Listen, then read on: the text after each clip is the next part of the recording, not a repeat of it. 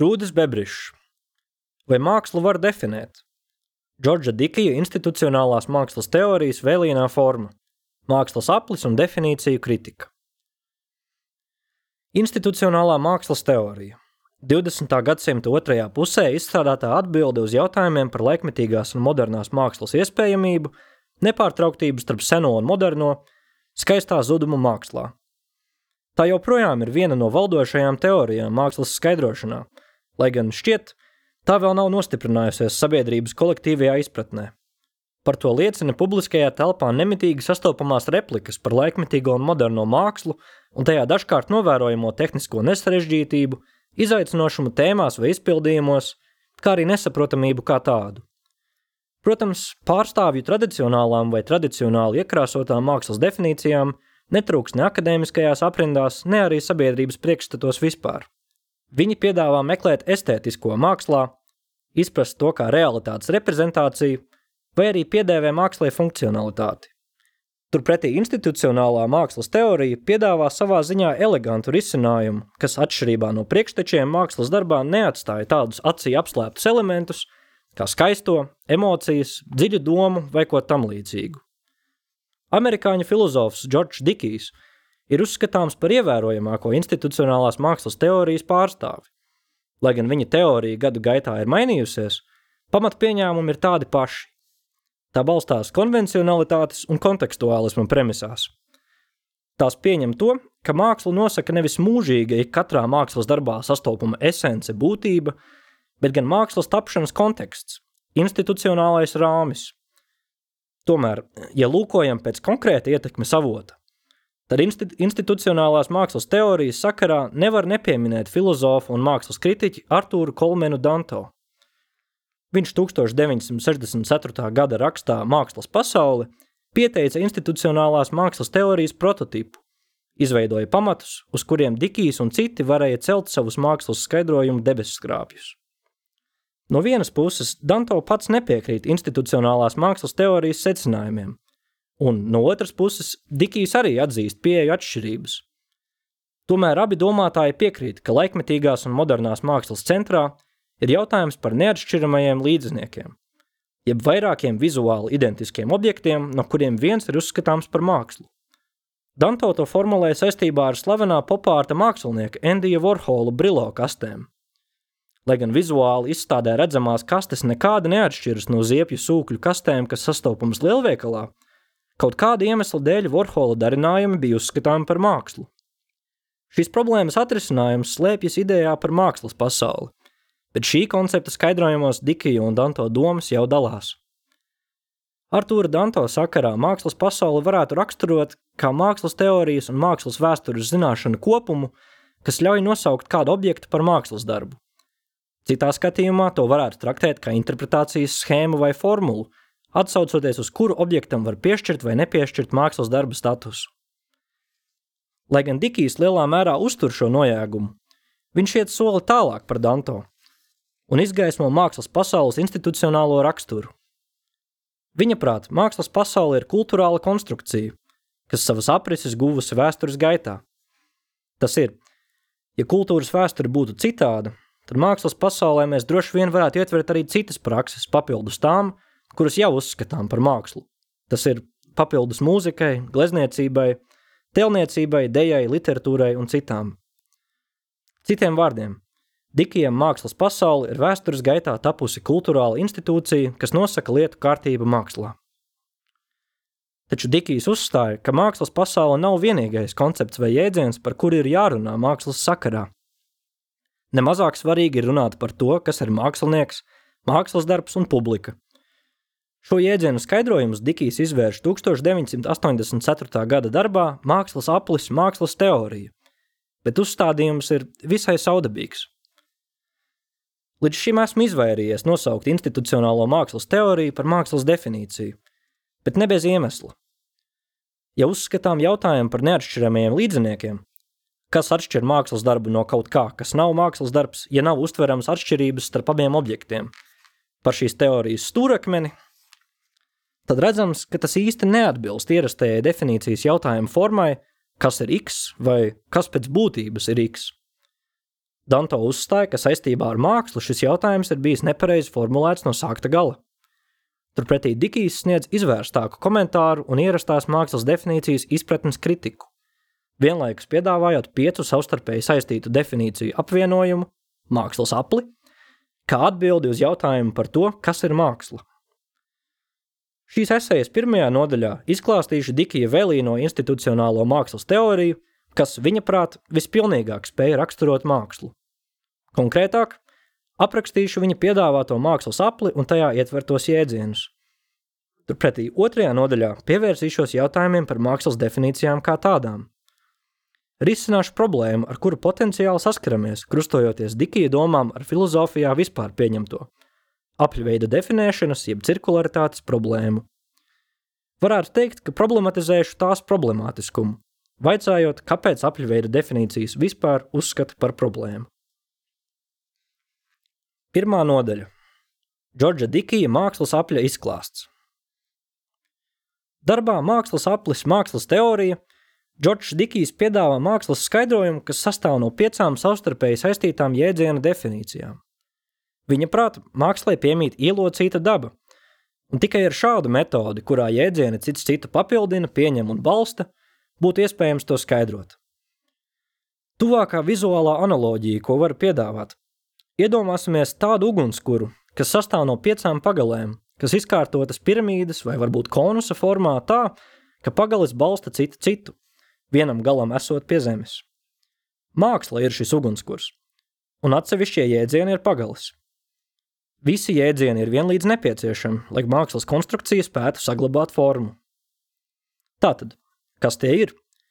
Pirmkārt, mākslinieks, otrkārt, mākslas darbs, treškārt, publika, ceturtkārt mākslas pasaule un piektkārt mākslas pasaules sistēma. Pirms ķeramies klāt padziļinātam jēdzienu izklāstam, jāizsaka divas piezīmes. Pirmkārt, kā tulīt taps skaidrs, iepriekš sniegtā analoģija par ugunskura nav pilnīgi precīza, jo šajā gadījumā īsti nevaram atdalīt pagalas kā patstāvīgas vienības ārpus ugunskura. Mākslas aplī ietvertie jēdzieni ir nepieciešami ne tikai visaptverošo mākslas jēdzienu, bet arī cits cita izskaidrošanai. Īsāk sakot, šajā gadījumā nevar būt viena pagale bez citas. Aplis kā vizuāla analoģija šeit drīzāk parādās tādā nozīmē, ka katrs jēdziens skaidro iepriekšējo, bet pēdējais pagriežas pretējā virzienā un ietver visus iepriekšējos jēdzienus. Otrakārt, nav svarīgi, ar kuru no šiem jēdzieniem sākam skaidrot mākslas apli, jo tas drīzāk jāatver kā kopums – Tomēr ērtības labad apskatīšu šos jēdzienus tādā pašā secībā. Pirmkārt, mākslinieks ir persona, kas ar sapratni piedalās mākslas darba radīšanā. Uzsvars jāliek uz sapratnes jēdzienu, jo tieši sapratnes dēļ ir iespēja izvairīties no institucionālajai mākslas teorijai tik bieži vien strīdīgi piedēvētās patvaļības mākslas darba radīšanā. Sapratne ir tas kritērijs, kas spēj nošķirt mākslinieku no cilvēka, kurš nav mākslinieks. Tāpat sapratne var arī noliegt mākslu, ko radījis dzīvnieks vai mākslīgais intelekts. Piezīme. Jautājums par sapratnes piedēvēšanu dzīvniekiem vai mākslīgajam intelektam ir strīdīgs, jo lielā mērā balstās tajā, kā mēs lietojam vārdu sapratne. Bet šis jautājums neietilpst šī darba tematikā. Tas drīzāk ierindojas epistemoloģijas problēmu lokā. Sliecos domāt, ka Dikijs nepiedāvētu dzīvniekiem un datoriem māksliniekiem raksturīgo un nepieciešamo sapratni, jeb – Citiem vārdiem, dzīvnieki un datori nevarētu būt mākslinieki tādā pašā nozīmē kā cilvēki. Tomēr vienlaikus atzīstu atvērtību citiem risinājumiem, kā arī uzskatu, ka šī būtu interesanta tēma, ko skatīt kādā citā darbā. Piezīmes beigas. Bet kā domāt sapratnes jēdzienu? Māksliniekam jāsaprot trīs lietas.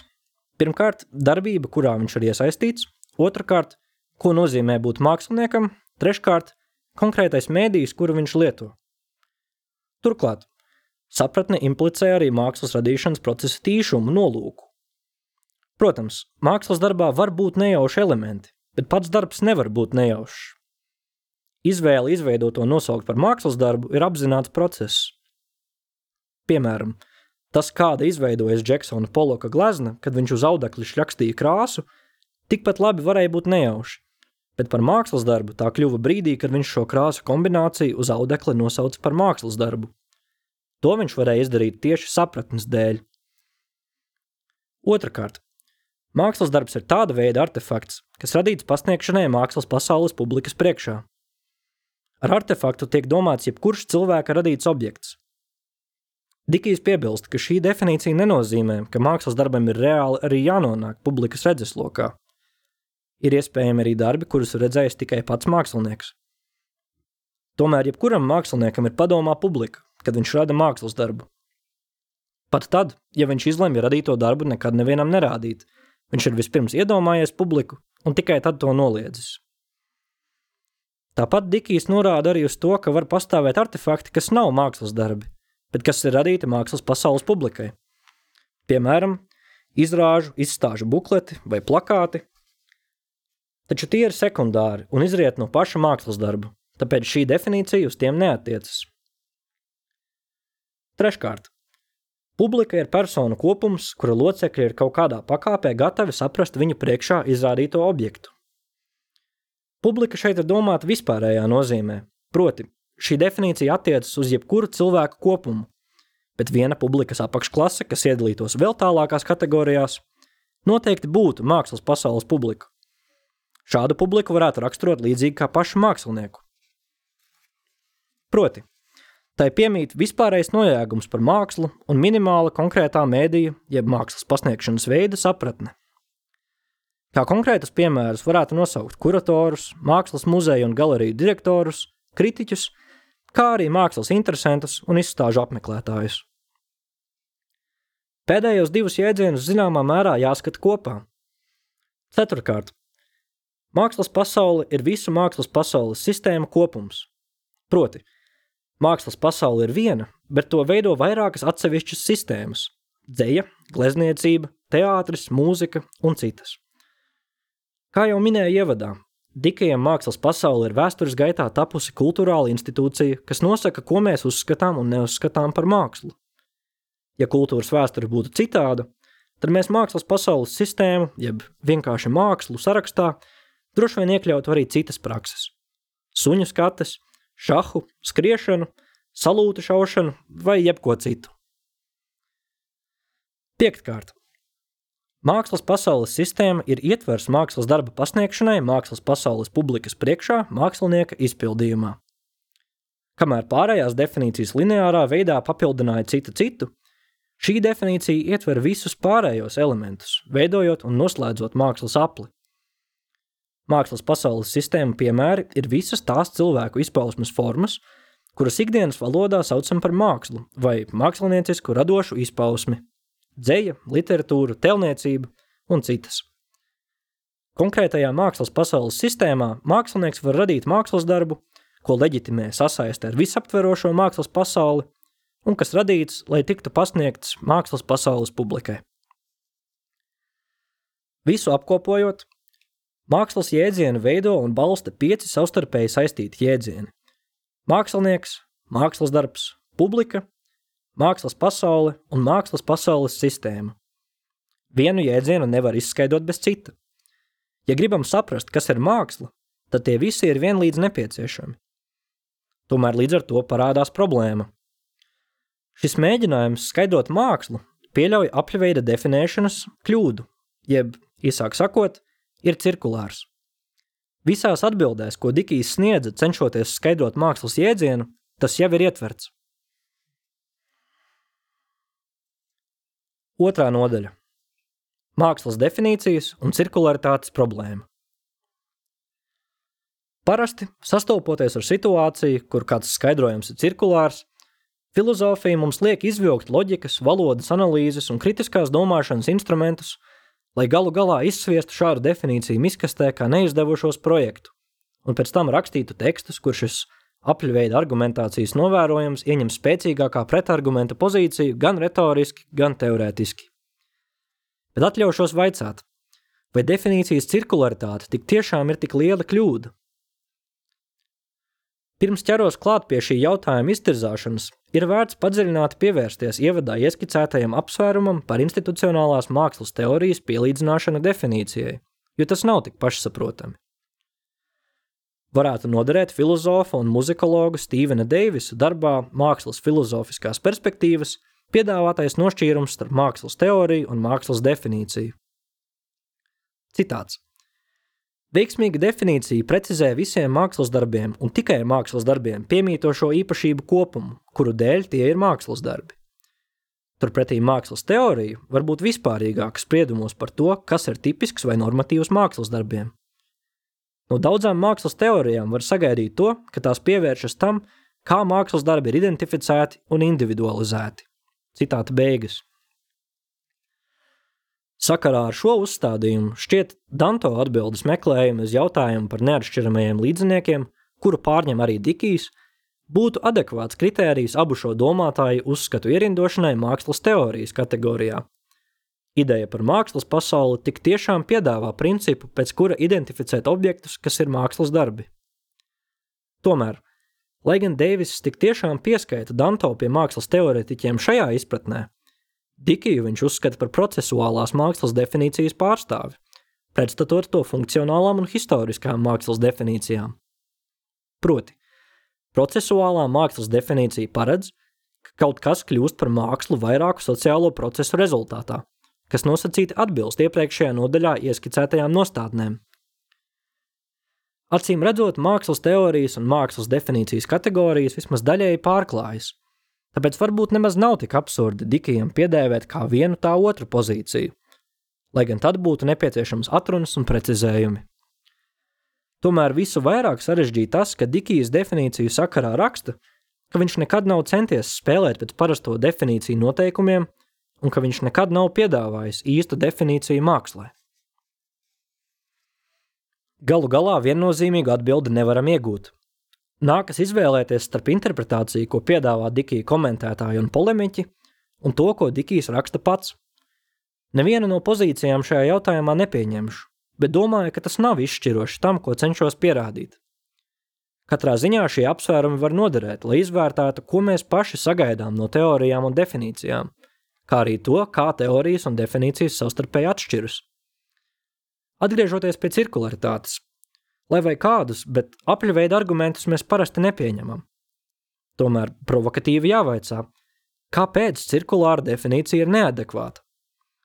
Varbūt šo problēmu var atrisināt pieejot no otras puses. Tas ir skaidrojot, kāpēc necirkulāras definīcijas ir derīgas.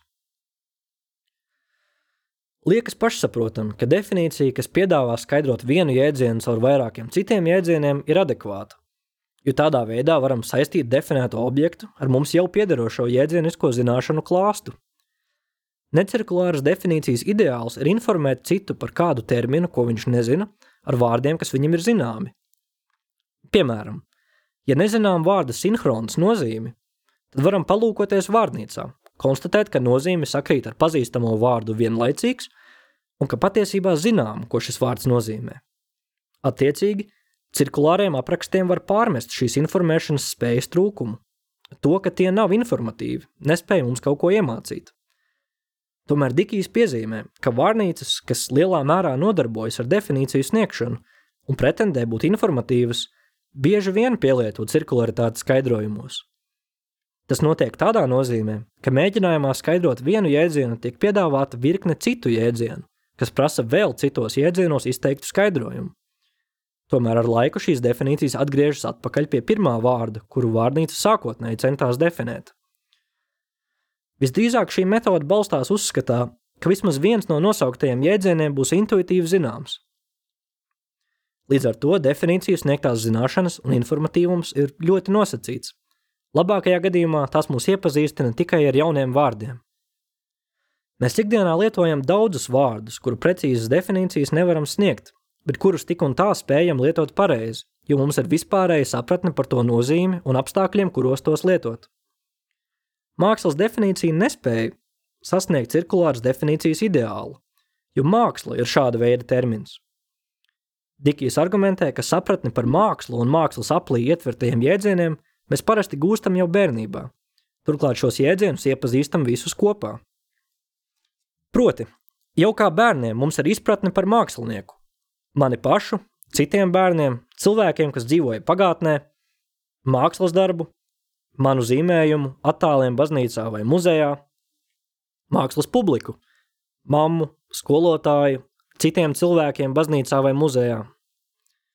Tāpat varētu piemetināt, ka zinām arī par mākslas pasaules sistēmām – mūziku, literatūru, glezniecību, un to, ka tās visas kaut kas saista – mākslas pasauli, lai gan konkrētos terminus vēl tobrīd neesam iemācījušies.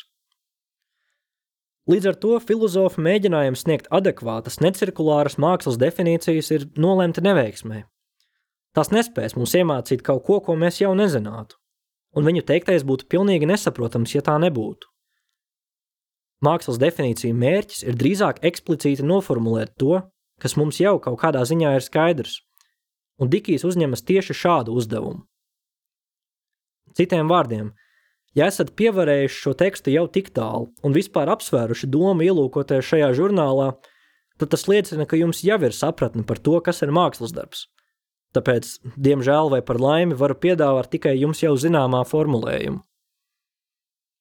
Ļoti iespējams, nu ir radies jautājums par to, kāda jēga no šī darba pirmās nodaļas, kur sniedzu tik izvērstu definīciju iztirzājumu, ja jau definīcijas ir bezjēdzīgas.